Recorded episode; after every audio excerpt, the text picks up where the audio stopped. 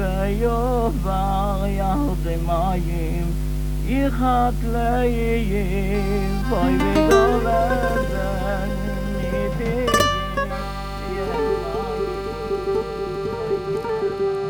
שלום לכולם, ברוכים הבאים לפרק נוסף בהסכת רוח ממללה. אב ובן משוחחים על פרשת השבוע בדרך של הצדיק רב אושר. השבוע אנחנו רוצים לדבר על פרשת ויצא. שבוע שעבר דיברנו על עלילות יעקב עם עשיו, ולרעיון שיעקב בעצם צריך להכיר את העשוויות שבו, להכיר את המידות העשוויות שלו, ומשם הוא יכול בעצם לקבל את הברכה, משם נובעת בעצם היכולת שלו להיות יעקב המבורך. השבוע אנחנו ממשיכים עם העלילות של יעקב, המפגש של יעקב עם לבן, המפגש של יעקב עם הרועים של לבן, עם הצאן, עם רחל ולאה, וכל המקרים שבעצם עוברים על יעקב, גם שם יש לו איזשהו לימוד שהוא צריך לעשות, שדברים שהוא רואה בחוץ, יש להם משמעות עבורו בפנים. זה מתקשר לכותרת של הפרשה, פרשת ויצא, כמו שדיברנו בפרשת כי תצא בדברים, שהיציאה, כשאדם יוצא מאזורי הנוחות שלו, כשאדם נמצא בדרך, אז ממילא צפים כל מיני דברים באישיות שלו, שכשהוא נמצא באזורי הנוחות, שכשהוא לא נמצא בדרך, כשהוא לא נמצא באיזשהו מאבק, באיזושהי התמודדות, הוא, הוא עלול לחשוב שהכל בסדר אצלו. אבל היציאה מחוץ לאזורי הנוחות חושפת כל מיני תוואים שיש לאדם, מחשבות, רצונות, אה, תגובות, ש, שאדם עלול לחשוב שהם לא קיימים אצלו, ובעצם בדרך אדם פוגש את עצמו. ודרך זה שהוא פוגש את עצמו, הוא יכול להגיע למפגש עם הבורא. דרך הכרת המציאות שלו, כמו שרבושה אומר, אדם מכיר, יכול להכיר את הבורא.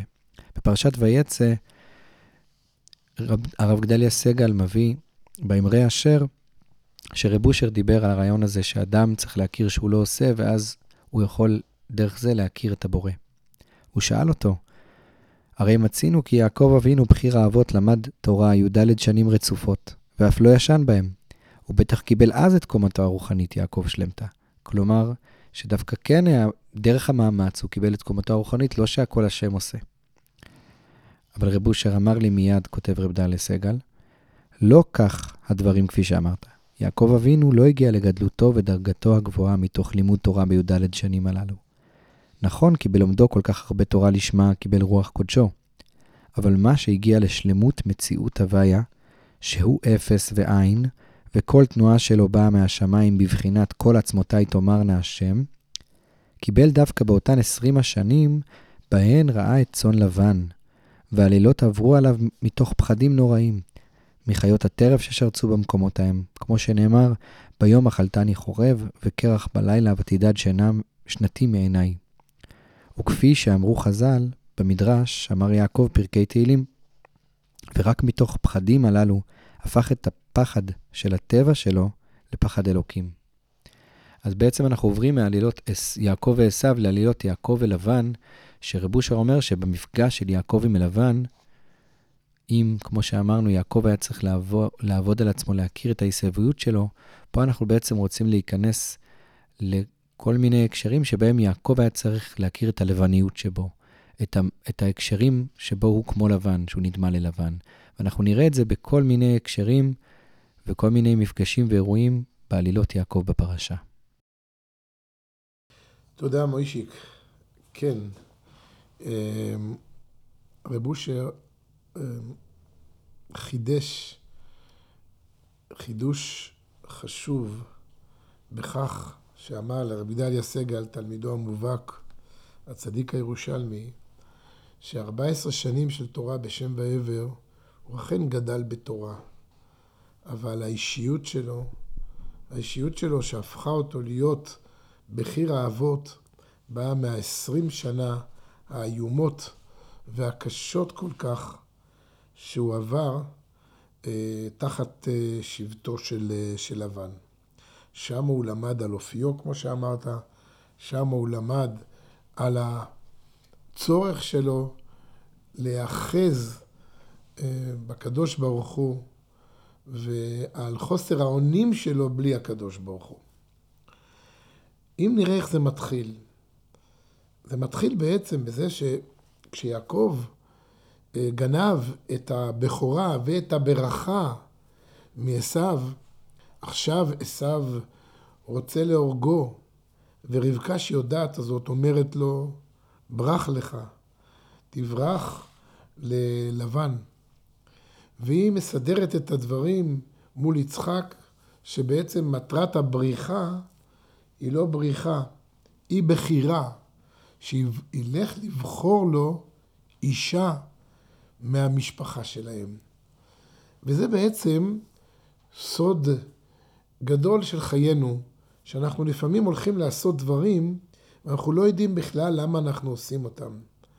יעקב בורח או בוחר?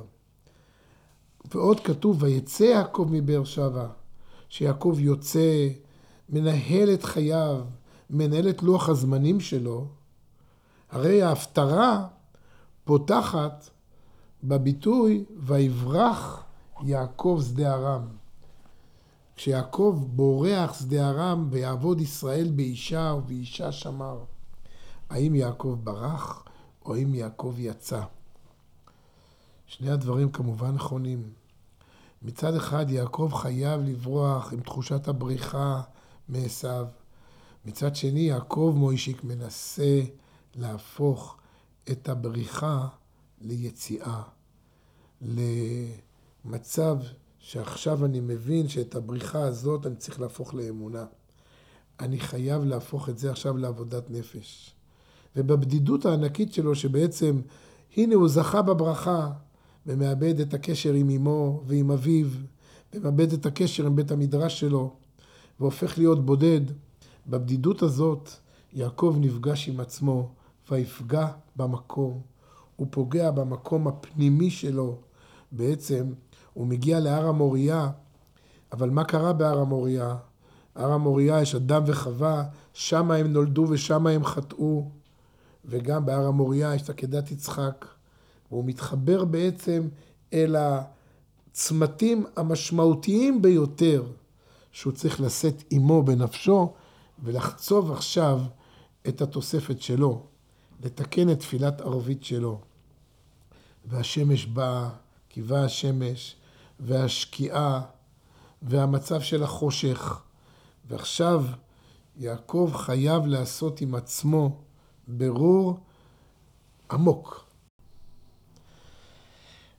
וצדיקי אמת, הם יודעים איך לא להישבר מהמצב ואיך להפוך את המצב הזה ממצב של בריחה למצב של ויצא.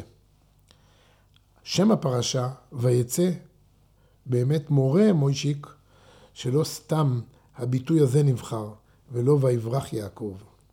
כי יעקב עשה עם עצמו עבודה והפך את הבריחה הזאת, כמו שאמרנו, ליציאה.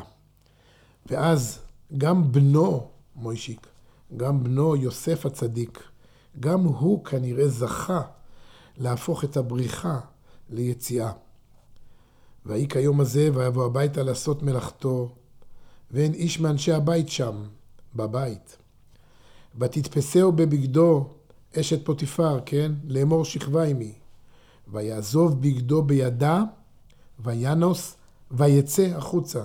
עוד פעם, ויעזוב בגדו בידה, וינוס, ויצא החוצה. מספיק לכתוב וינוס החוצה. וינוס, אז ויצא, הוא כבר בשיא המנוסה, פתאום יש לנו יציאה. ויהי כי ראותה כי עזב בגדו בידה, וינוס החוצה. זה היא ראתה את המנוסה, הוא ויצא, היא וינוס החוצה ראתה. ואז היא אומרת, ויהי כשומעו כי הרימותי קולי, ויקרא ויעזוב בגדי אצלי וינוס ויצא החוצה, היא מספרת שהוא יצא החוצה. ועוד פעם, כשהיא מספרת לבעלה, ויהי כי ארמי קולי ויקרא ויעזוב בגדו אצלה, וינוס החוצה. כלומר, בעצם יש פה מתח אדיר בין מנוסה לבין יציאה. בדיוק אותו דבר, כמו שקורה אצל יעקב אנחנו רואים כיצד הצדיקים הופכים את מבחן, את התאווה.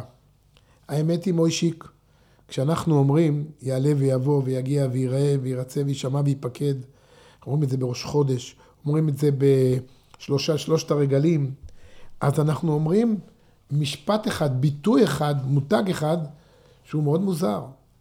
אנחנו אומרים, יעלה ויבוא ויגיע ויראה וירצה וישמע ויפקד וזכר זיכרוננו לפי דוני זיכרון אבותינו, כל משיח בן דוד עבדיך, ותכון ירושלים מקודשך, זכור עמך בישראל לפניך, לפליטה. אני יכול להבין לטובה, לחן, לחסד או לרחמים. כל הברכות שאנחנו מכירים, שים שלום, טובה וברכה, ואנחנו אומרים ברכת החודש לטובה ולברכה. מה זה לפליטה? אתה נמצא בשלושה רגלים, בפסח, בחגיגה הגדולה, בסוכות, בראש חודש, מה זה הלפליטה? אנחנו אומרים יעלה ויבוא, מה הפליטה הזאת? הפליטה הזאת למעשה זה וינוס החוצה. כי כשהקדוש ברוך הוא, למדנו מרב אושר, שם אותנו בתהום הפעורה של המציאות שלנו, המציאות שלנו היא מציאות של סכנה. אנחנו צריכים להכיר ולהודות שכל צעד וצעד שאני פוסע עם הקדוש ברוך הוא מעלה את הווליום של הניסיון, אני יכול ליפול. ואז צדיקים יודעים, אנחנו מבקשים את הפליטה. הפליטה הזאת בעצם זה היכולת להפוך את המנוסה ליציאה. אנחנו צריכים קודם כל לנוס, קודם לברוח, קודם לבקש מהשם סיבות שימנעו ממני מלהוציא לפועל את התוואים שלי. כי כשבא הניסיון אני לא מחזיק מעמד, אני חסר אונים.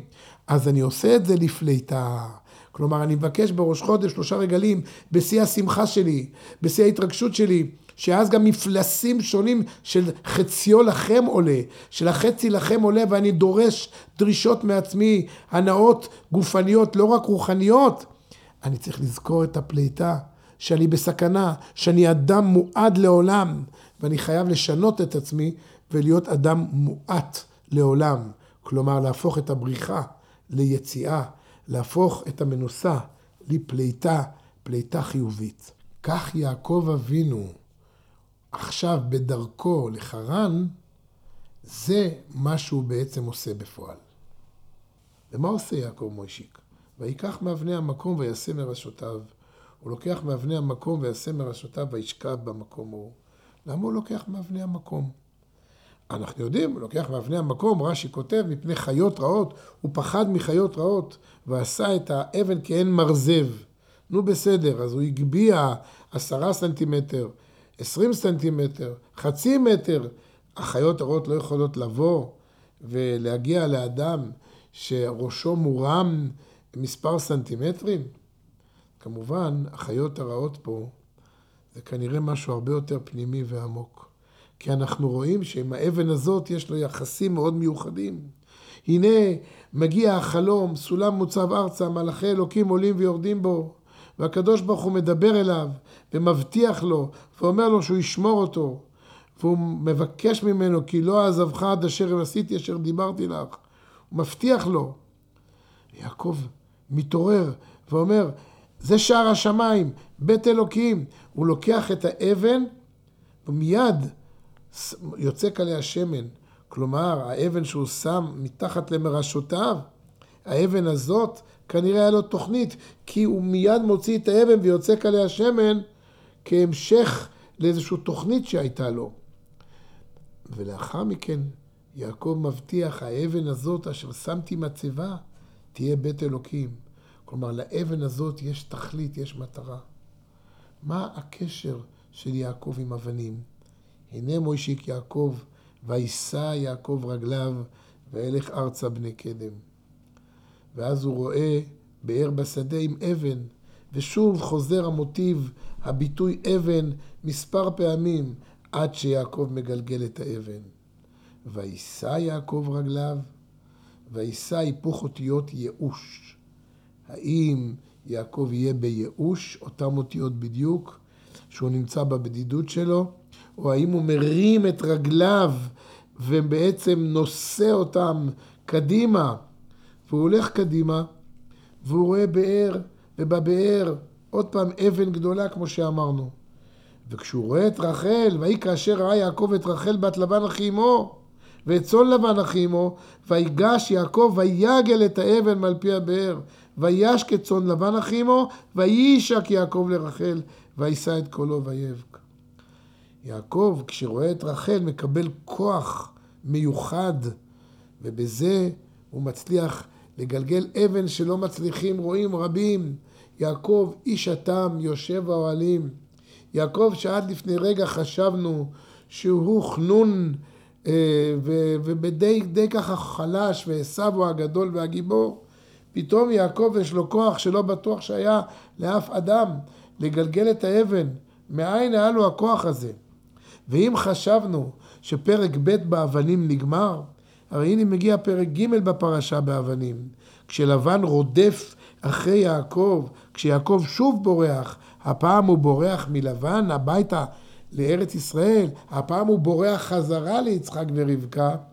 בבריחה הזאת לבן תופס אותו והם מתחילים לריב ואז הם מנסים למצוא פשרה וברכה ו- ו- ודרך של ברית. ואז אומר יעקב לאחיו, ויאמר יעקב לאחיו, לקטו אבנים. מה הרעיון הזה? שעכשיו יעקב מחפש ללקט אבנים כחלק מהברית שלהם. ויקח יעקב אבן וירימי המצבה. ויאמר יעקב לאחיו, לקטו אבנים, שוב אבן, שוב לקטו אבנים, ויקחו אבנים ויעשו גל. אז אנחנו רואים שהאבנים זה משהו מיוחד עם יעקב. לא רק זה, בנו, אהובו, יוסף, כשהוא מברך אותו בפרשת ויחי לפני מותו מוישיק, הוא אומר לו, משם רואה אבן ישראל. הוא קורא ליוסף הצדיק אבן ישראל. מה זה אותה אבן? מה זאת אותה אבן? ייתכן מאוד שניתן להסביר שכשיעקב יוצא לגלות, כמו שאמרת, יעקב עכשיו מבין שהוא חייב להתמודד עם כל המשמעות של הגלות, של הבדידות, של היצרים, של התאוות. בעוד אני בעולם הישיבה יותר בטוח, יותר מוגן, איך אני אוכל להתמודד? מהם הכלים? מהם הסודות? מהם הנוסחאות שאני אוכל לצאת החוצה ולהחזיק מעמד עם בורא עולם? ואז הוא אומר, בוא אני עושה את הניסוי הכימי הפנימי בתוך נימי נפשי, מראשותיו, הראש שלי, שבעצם רחוק מעקב, קוראים לי יעקב, אבל כוחי בראש, כוחי בראשי, בכל המוח הנפלא, הצדיק, המיוחד, היצירתי של יעקב. אבל אני יודע שאני בעצם נקרא יעקב על שם העקבים, על שם הלמטה, העולם התחתון. אני הולך עכשיו אל עולם התחתון. אז בעצם הוא מניח את ראשו על האבן שהוא לקח, מאבני המקום, מספר אבנים שהוא לקח, מניח את ראשו ואומר, אבא, אני הולך לישון עכשיו את הלילה הראשון במקום המיוחד הזה, ואני מניח את הנשמה ואת המוח על הגוף, על האפר, על הדבר הכי רחוק מעולם הרגש, מעולם הנשמה, מעולם התנועה, מעולם היצירה. הדבר הכי רחוק. אבא, איך מזה, איך מזה שיש ראש על אבן, איך ניתן לייצר עולם, גוף ונשמה אם תריבם, דוחו ולא יאכלו קום, אומר הפייטן בסליחות כידוע. וכשיעקב הולך לישון, הקדוש ברוך הוא מתגלה אליו ואומר לו סולם. סולם מוצב ארצה וראשו מגיע השמיימה. בין האבן הקרה, בין האבן הנוקשה, צריך לשים סולם מוצב ארצה, וראשו מגיע השמיימה, והנה מלאכי אלוקים עולים ויורדים בו. והשם מבטיח לו הבטחות. אבל מוישיק, אנחנו יודעים אשר רב אושר אמר לאחד מהחברים שלנו, הוא אמר לו, הוא אמר לי, הוא אמר לי, תצאת לי. רב אושר אמר לו, תמיד תהיה בתחתית הסולם. אם תהיה בתחתית הסולם, אם תיפול מהשלב האחרון בסולם, תקבל מכה. אבל מכה שאתה יכול לספוג אותה. אבל אם תהיה בצמרת הסולם ותיפול, אוי ויי, איזו חלילה התרסקות יכולה להיות. המלאכים שעולים ויורדים בתוך הסולם, יעקב אבינו מבין שהוא חייב לעשות איתם עבודה. הוא חייב למצוא אינטראקציה נכונה בין המלאכים שעולים לבין המלאכים שיורדים, בין מלאכי ארץ ישראל לבין מלאכי הגלות. ועוד מעט ננסה להבין מה ביניהם. והנה, כשמוש... כשיעקב מתעורר משנתו ומבין שהקדוש ברוך הוא יתגלה אליו גם בתוך המצב המורכב הזה, הוא מבין שהוא צריך לצקת שמן, שמאין היה לו, שואלים המפרשים. גם נס גדול, יוצק שמן, אותיות נשמה, על האבן, בונה את הלוחות הברית, הוא בעצם הראשון שיצק ויצר את לוחות הברית. על האבן עצמה הוא יצק את האותיות השמנוניות, מלשון נשמה, ובעצם יצק בהם את האור, איך לתפוס ולהכניס באבן תוכן, אבל איך? איך להכניס אש באבן, איך להוציא מים מסלע. והוא אומר, אבא, אני מבין, אם אתה תעזור לי ותיתן לי, אז בעזרת השם, האבן הזאת, אני כבר אעשה, אעשה בית אלוקים. אני יודע מה אתה רוצה, שאני אקדש את החומר, שאני ארים את החומר, שאני אעלה למעלה. זה משפטים יפים, קידוש החומר. אבל מוישי, המשפטים האלה לא עובדים כל כך. זה בעצם איזושהי רומנטיקה דמיונית שאנחנו מקדשים את החומר, זה נכון, אבל זה לא עובד. יעקב מתחיל ללכת, ואז הוא רואה באר בשדה. כשהוא רואה באר בשדה, אותה אבן גדולה על פי הבאר. האבן שגדולה על פי הבאר, היא בעצם מבטאת את זה שזה לא פשוט לצקת שמן. הנה עכשיו אנחנו מתעסקים עם מים ואבן, והאבן שומרת על המים כל כך טוב שאי אפשר לשתות. וצריכים להיאסף כל העדרים, לעשות פעילות כל כך מורכבת כדי לגלגל את האבן. כל כך הרבה מאמץ בשביל להתמודד באבן. והנה, כשבאה רחל, וכשיעקב בעצם רואה אותה, הוא בעצם רואה את השכינה מגיעה.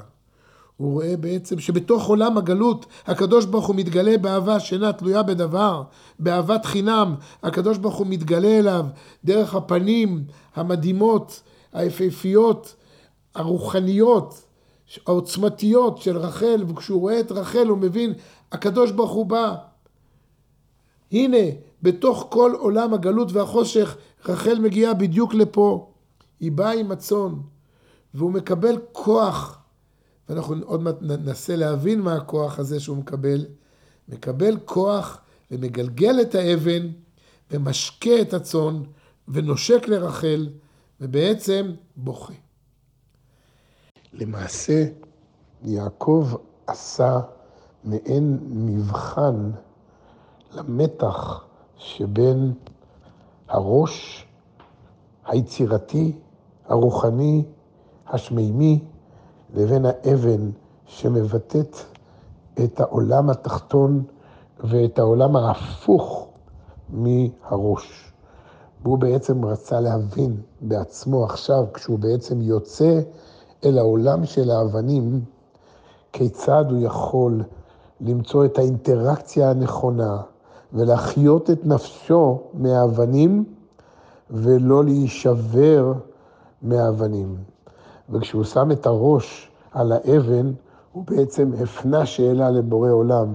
בורא עולם, למדני, איך האבן הזאת תהיה אבן הראשה, איך האבן הזאת תהיה אבן השתייה, איך מהאבן הזאת יצאו מים, איך האבן הזאת יהיה לוחות אבנים שחורטים עליהם את האש האלוקית.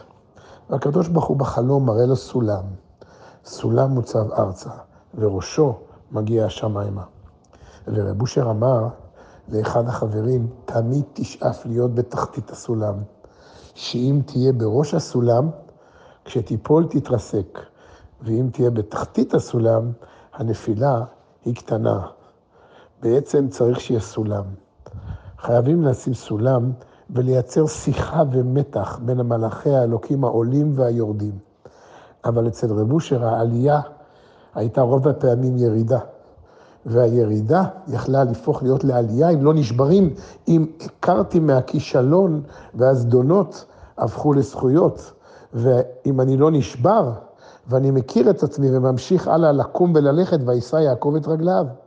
או אז המבחן הזה, האבן הזאת, תהיה בית אלוקים, וזה יהיה שער השמיים.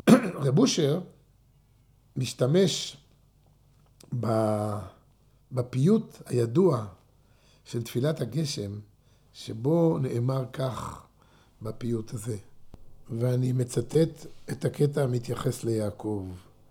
זכור טען מקלו ועבר ירדן מים, ייחד לב וגאל אבן מבאר מים. קנה אבקלו, שר בלול מאש וממים. לכן הבטחתו, היות עמו באש ובמים, בעבורו אל תמנע מים. בואו נשמע את הנוסח מפי רב אושר, שהקליט עבור אחד התלמידים החסידים שביקש ללמוד ממנו את הנוסח. Hoi ze choi utu an ויובר ירדי מים יחת ליהי בוי וגול אבן מפי ביאר מים אוי כי נמק לא יסר בולל מיישו ממים לו חי נפתח תוי ישים מים וישוב במים באווירוי, אל תמנע המים. אחד לב. יעקב אבינו התפלל רבות. רב אושר בשבת אה, האחרונה סיפר לי חבר יקר וותיק, שרב אושר אמר לו, אתה לא, אל תחשוב שבתפילה זה רק בבית הכנסת. ברחוב שאתה הולך, בכל מקום שאתה הולך, תדבר אל השם, תבקש ממנו, תתקשר איתו. כל דבר שקורה לך זה בעצם איזושהי דפיקת דלת מהשם, לדבר איתו, לבקש ממנו, להתחבר אליו, להרגיש את הצורך איתו. ושאל אחד החברים, מדבר עם השם בכל מקום, גם בשירותים? ואז ענה אותו חבר ותיק, כן, רב אושר אמר לנכדה שלו, תדעי לך, גם בשירותים תדברי לשם, תבקשי לשם, תדברי אליו. לא תפילות קלאסיות של, של אותיות קודש, אלא דיבורים של קשר לבורא. וזה מה שעשה יעקב אבינו, מוישיק.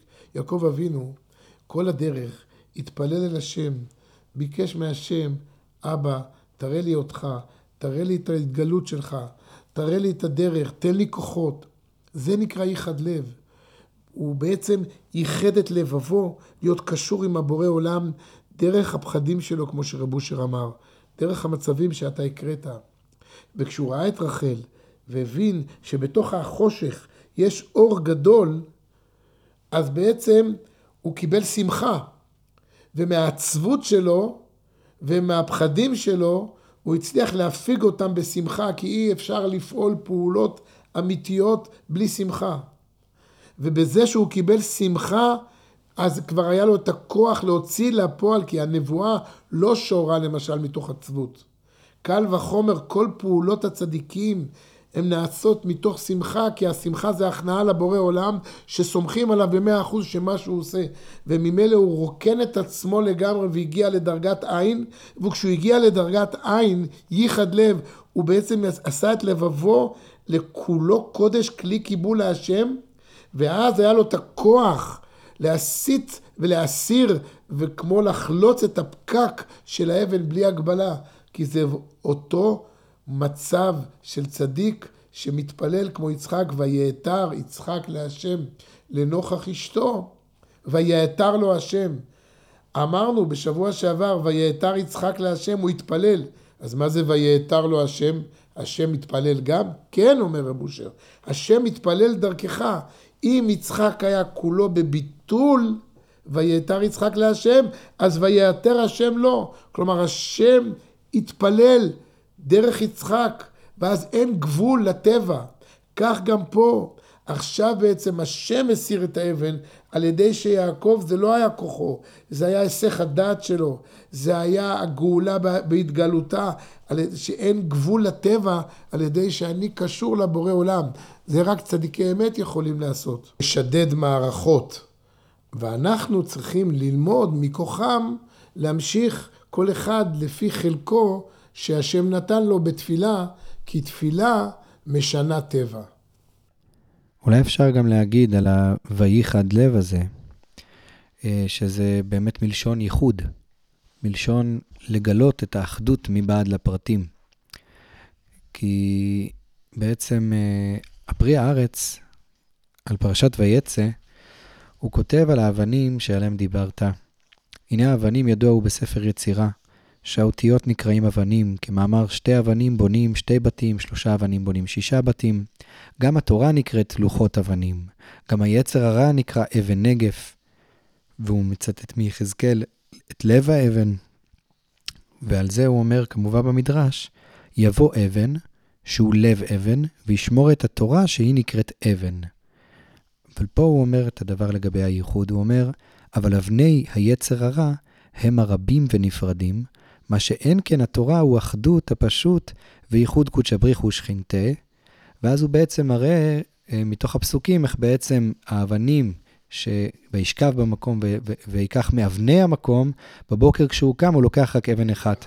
וישכב יש כ"ב, זאת אומרת אותיות כ"ב, כ"ב אותיות, זה חיזוק פה לרעיון הזה שהאבנים הם בעצם אותיות, אבל מבעד לריבוי הזה של הכ"ב אבנים, כ"ב אותיות, בבוקר הוא לוקח אבן אחת. וזה אחד מהדברים שבעצם אה, יעקב מקבל כצידה לדרך, אלא ב- בתוך המרחב הזה של הויצא, שהוא יוצא והוא פוגש את עצמו, ובעצם כל ההתרחשויות שלו, הוא צריך לראות מבעד ההתרחשות את האחד, את השם שמדבר אליו. וויחד לב, הוא רואה את ההשגחה של הבורא כשרחל מגיעה. הוא בעצם, אה, ואז מזה נוצר לו הכוח זה אחד אם הוא יכול לגול את האבן או לא יכול לגול את האבן. ובמובן הזה, הוא רואה את ההשגחה מבעד למציאות. וייחד לב, כלומר הייחוד, כלומר אותו רעיון של הייחוד, שהאבנים הפכו מהרבה אבנים לאבן אחת, והוא למד שם את הרעיון הזה של אחדות הבורא מבעד הפרטים, הרבים של המציאות מבעד האבנים, שהם בעצם תיאור למציאות הנוקשה. ש, של הריבוי שהוא מופיע לנו כ, כדבר, כדבר האמיתי, הריבוי, הפרטים, בעצם אם נפקח את העיניים, באמת נראה את האחדות מבעד הפרטים. ורב גדל, גדליה סגל מביא עוד דבר בשם רב אושר על הרעיון הזה, ש... של אחדות של הבורא שמופיעה בתוך ה... המחשבה של הצדיק אמת. הוא אומר שמה שמייחד את האדם זה היכולת שלו להכיר, זאת אומרת, הבחירה של הבן אדם לפי רב אושר זה היכולת שלו להכיר שהוא לא עושה. אבל אה, רב אושר אומר, גדליה סגל מביא את הדברים של רב אושר על האסר, האסרנו לך, שגם את הבחירה הזאת הצדיקים מייחסים לבורא. זאת אומרת, בפשוט, מה נשאר לבן אדם במרחב של. הבחירה החופשית שלו, שהוא יכול לבחור לדעת שהוא לא עושה. את הדבר הזה, רב אושר אומר אפילו, את הדבר הזה הצדיקים גם כן נותנים לבורא. אסר אסרנו לך. זאת אומרת, גם היכולת שלי להסר, גם את זה אני נותן לבורא, והוא מביא, מביא גם איזה ציטוט מעבודת ישראל מקוז'ניץ, שאומר, כתוב לך שם הממלכה, לא כתוב לך שם המלוכה, אלא עצם ההמלכה, גם הדבר הזה, גם היכולת להמליך את הבורא, גם זה מכוח הבורא. מדהים, אז זה בעצם מה שהוספת בשם רב אושר, שכשיעקב מגיע לדרגה של עשר, אסרנו לך, אז רב אושר לא עשה הנחות גם פה ואמר, מה הכוונה עשר אסרנו? שאני אזכור כל הזמן, אני אעשה עם עצמי מייסר, שכל רגש שיש לי שאני עשיתי וזה שלי, אני אעשר את זה, אני אפריש את זה להשם, לא אבא זה ממך. ואני חושב שבמשך השנים האלה, שהוא עבר עשרים שנה של תפילות ופחדים וחיות רעות, כמו שרב אושר אומר, כשהוא עומד, מוישיק, הוא עומד אה, יחד עם הצאן שנשאר לו בעסקה שהוא עשה עם לבן, ולא ניכנס לפרטים, רק ניכנס פה לעיקר. הוא נמצא עם הצאן, ונשאר לו מעט צאן, ולבן חוגג, והנה אנחנו רואים שהוא מביא אותם אל השוקת, אל המים, עם המקל הלבנה, ופתאום, פלופ, פלופ, פלופ, צומחים וגדלים עוד ועוד ועוד כבשים. ואני אחדש ואומר לך שראיתי שכתוב שישה צדיקי עולם מספרים שהם זוכרים את הגלגולים שלהם, מוישיק, והם זוכרים את הגלגול הראשון שלהם, שהם היו גלגול בצאן של, אה, בצאן של יוסף הצדיק. יעקב. סליחה, בצאן של יעקב. וזה בעצם אומר דבר מדהים. מה, מה הכוונה, מה הם חושבים שהם היו בצאן של יעקב אבינו? מה זה אומר? אני חושב שהצדיקים האלה, שאחד מהם זה המגיד מקוזניץ', והרב מנחם מנדל מרימינוב, ואוהב ישראל מאפתא, והרב הקדוש בעל הדעת קדושים, והישמח מוישה, והרבה מקליב, שמספר הרבה מקליב איכשהו, כשאתם יודעים, הרבה מקליב עשה ניגונים מיוחדים ויפים, הוא בעל מנגן נדיר, והוא זוכר את הניגונים האלה שהוא היה בשדה, בשדה עם יעקב אבינו בתור, אה, בתור כבשה. מה הרעיון פה? יעקב אבינו לכאורה עומד, מתפלל, בדרכו של רב אושר אולי, ועכשיו אומר, מה שלבן עשה לי, איזה תרגיל הוא עשה לי, החליף את, אה, את אה, רחל בלאה, אבל אבא, אני עשיתי את זה גם לעשו, גם אני גנבתי, פלופ, נולדה נשמה. כל פעם שהוא הסתכל ואמר, אבא, אני רואה שהפגמים שאני רואה בלבן, זה האי לבן שבי, הוא נשאר לבן, אבל אני מכיר בנקודים ובעקודים ובחומים שבי. כל פעם שהוא עשה אתמול עוד איזושהי עבודה, עוד נשמה נבראה של צדיקים גדולים כאלה. כלומר, בעצם הפעולות שיעקב עשה, הוא הביא את ההולדה, את ההצמחה, את הכוח, על ידי מה? על ידי שהוא חי עם הפגם.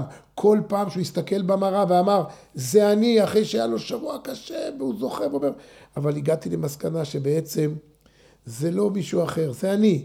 זה אני, בום, נולדה נשמה. זה דבר נפלא שאנחנו צריכים לזכור עבודת הצדיקים הגדולים, שהם עושים את ההיסטוריה ומחייבים אותנו לעשות את ההווה. בנוסף לזה, מוישיק, אני רוצה להוסיף עוד פרט אחד אחרון, שהוא פרט מפחיד. אם דיברנו עד עכשיו על האבנים, איך שהאבנים האלה בעצם, אנחנו צריכים להכיר שאם אני חי עם הפגם, חי עם האבן, אז השם אבן מעשו הבונים הייתה לראש פינה, אז בעצם האבן הזאת הופכת להיות ראש פינה. יש משהו יותר חזק. לא אבן, אלא אבוי דזורי לכאורה, התרפים. בואו נראה מה קרה בפרשה עם התרפים. רחל לוקחת ללבן את התרפים, כי היא לא רוצה שללבן יהיו תרפים. ואז בעצם השאלה ששאלנו, שאלה עצומה. רחל גונבת את התרפים, ומה הם התרפים? נגיד שהם העבודה זרה של לבן. נגיד שהם הכוחות הרוחניים של לבן. למה היא לא שוברת אותם? למה היא לא הורסת אותם? למה היא לא שורפת אותם? למה היא לא קוברת אותם? למה היא נסחבת איתם כל הדרך של הבריחה, עד כדי כך שלבן מגיע והיא צריכה להחביא אותם מתחת לכר הגמל כי דרך נשים לה. שאלה חשובה מאוד. אולי אפשר לבוא ולומר שהיא לא הספיקה עדיין והיו צריכים להיות במרוץ, אבל באמת, אחרי יום וחצי יכל להשליך אותם תחת אחד השיחים. למה היא לא, למה היא לוקחת את זה איתם ומסכנת את המשפחה ובעצם בזה נוצר מצב שיעקב ברית כרותה לשפתיים אמר מה שאמר ללבן. חושבני מוישיק שהתרפים האלה הם לא היו רק אבוי דזורי. התרפים האלה בעצם היו ללבן כל הכוח והחוכמה בגויים, הנוסחאות, הפורמולות, הז'ורנלים המדעיים, בעצם כל הסודות של, כל הפסוורדים, כל הקודים, כל התוכנות הסודיות שהיו בעצם ללבן, איך לבנות את העולם הזה בלי השם. והתוכנות האלה, המגדל בבל האדיר הזה של התוכנות, רחל אמרה, אני לוקחת את זה לא כי אני מאמינה בזה. אני לוקחת את זה כי חוכמה בגויים תאמין, תורה בגויים אל תאמין, אנחנו ניקח את זה כמו את האבנים, אני לוקחת את זה אליי, ובזה אני אלמד את יוסף הצדיק 70, 70 שפות, ובזה אני אלמד את יוסף בני לחלום אסטרונומיה ולחלום על שמש וירח וכוכבים וחקלאות והכול. אני, אני לא רוצה שזה יישאר אצל לבן. אנחנו היהודים ניקח את זה ונבנה את זה ותראה איך יוסף גדל. בשפה של רב אושר הייתי מסיים ואומר שהתרפים זה הפגמים שלבן עשה מעצמו חויזק שהוא מסתדר, הוא צדיק.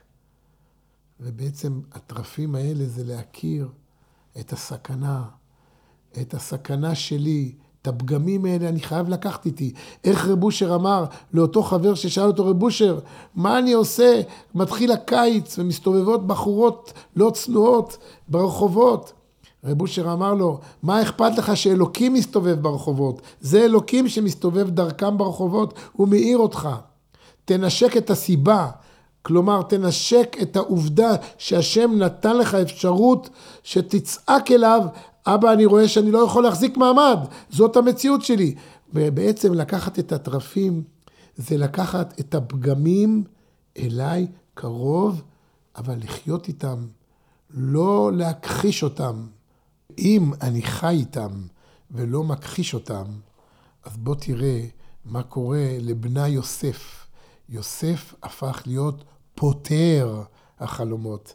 המילה פותר וטרפים, טרף, תר"פ, אותם אותיות. למעשה, הצליח יוסף עם הכוחות של הטרפים לפתור, לפתור את החלומות, את הסודות, כי הוא חי עם כל כוחות הגוף תחת יסוד מושלם של הכנעה לבורא. וככה הוא קיבל כוחות שהוא יכל לשלוט בטבע ולפענח את הצפונות שלו. יהי רצון שנזכה. זכויר טואל מקלוי ויובר ירדי מים אחד ליהיה וגול אבן מפי ויהיה מים כי נהבת לא יסבו ללמי שממים לא חי נפתח תוי יהי סימוי בואי שוב המים באווירו אל תמנע